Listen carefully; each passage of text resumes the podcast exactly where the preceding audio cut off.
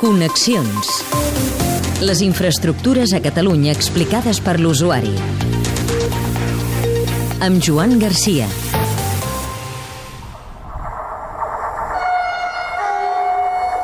Trens entre Portbou i Cervera de la Marenda.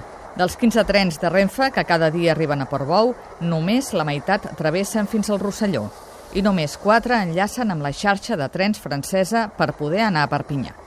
Som a dalt d'un tren a l'Alt Empordà, ara arribarem a Llançà, aquí ens trobarem amb en Josep Maria Loste, de l'Associació per la Promoció del Transport Públic. Amb ell anirem fins a Portbou, perquè ens expliqui què passa amb els enllaços en tren entre Portbou, que és l'última estació de Catalunya, i la de Cervera de la Marenda, ja a la Catalunya Nord, en territori francès.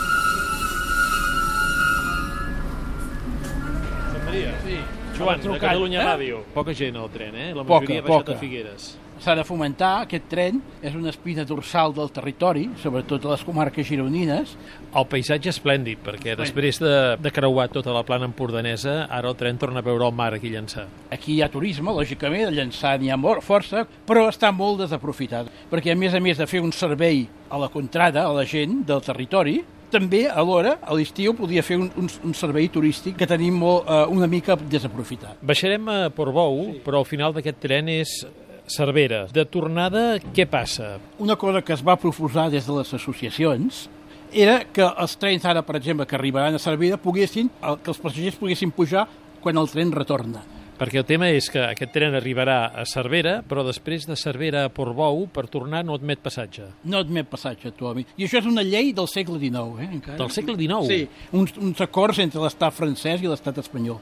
Però que són, són aquestes lleis que no ens donem compte i encara són vigents. És una veritable aberració. Llavors el que passa és que aquí es perden moltes connexions entre una banda i l'altra. Moltes connexions.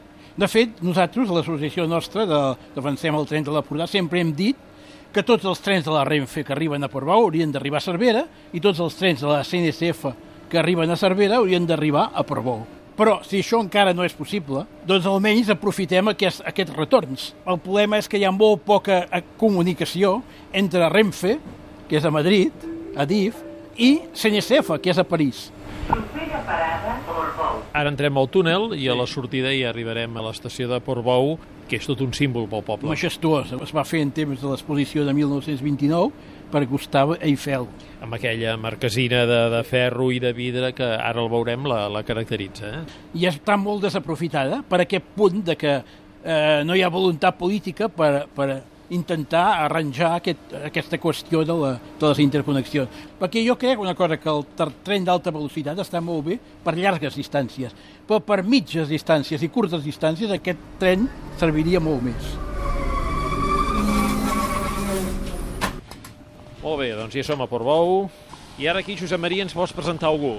Bé, és François Schneider, Què tal, François? Hola, bon Ell dia. eh, viu a Cervera, de la Marenda, i és el president de l'Associació d'Usuaris del tren Perpinyà-Portbou. I no s'aconsegueix, no sé, que hi hagi com un, una continuació fins al tren d'aquí. Bon, amb coordinació, o hi ha altres trens també arriben, però un minut abans el tren espanyol-català ja ha sortit. O sigui, este- estem dient que quan el tren francès arriba a Portbou i un minut abans ha sortit el tren de la Renfe cap a. Barcelona. I després l'últim tren que arriba a Cervera, d'aquests, que hem vingut amb De tu... la Renfe? Sí, arriba a les di- 19.54, 55. I el tren de la CNCF per Avinyó, em sembla, doncs aquest tren ha sortit fa 10 minuts o un quart d'hora. Últimament no, s'ha fet impossible inc- inclús de, de, de comprar bitllets fins a, fins a Portbou. Com es mou la gent entre aquests dos territoris? Bueno, esclar, si el tren no va, no va bé, eh, han d'anar amb el cotxe privat, lògicament, i això és una gran desgràcia perquè hi ha molta gent gran aquí a Portbou i a Cervera i tot, en el, i tot aquest entorn de pobles de l'Empordà que no pot agafar el cotxe. A peu, per, no tinc cotxe, eh, Què trigueu a peu de Cervera a Portbou? és 40 minuts no, per, per la muntanya, és, és superbonic. Fèlix Martín, director de Rodalies de Catalunya. la frontera, diguéssim, comercial ha passat de l'àmbit de Portbou a l'àmbit de Figueres Vilafant en aquest moment. La veritat és que el servei d'enllaç de trens internacionals és eh, pràcticament residual en aquest moment. Creiem que és, eh, que és minoritari i la veritat és que des del nostre punt de vista com a operador possiblement no, no, és, eh, no és ampliable eh, perquè trobem que no hi ha mercat. Penso que els trens aquests de Cervera, Perpinyà, funcionen més bé que els de la Renfe. Sí? Principalment perquè tenen mi millor manteniment, perquè tots els recursos van eh, en el tren d'alta velocitat, i això també s'ha de denunciar. I després una altra qüestió, eh, fixa't en les andanes, Sí? s'hauria de pujar, alçar les andanes, perquè no, el tren queda molt alt. Molta gent a Portbou, com la meva mare, per exemple, no pot agafar el tren, ja. Muntatge de so Jordi Galbany.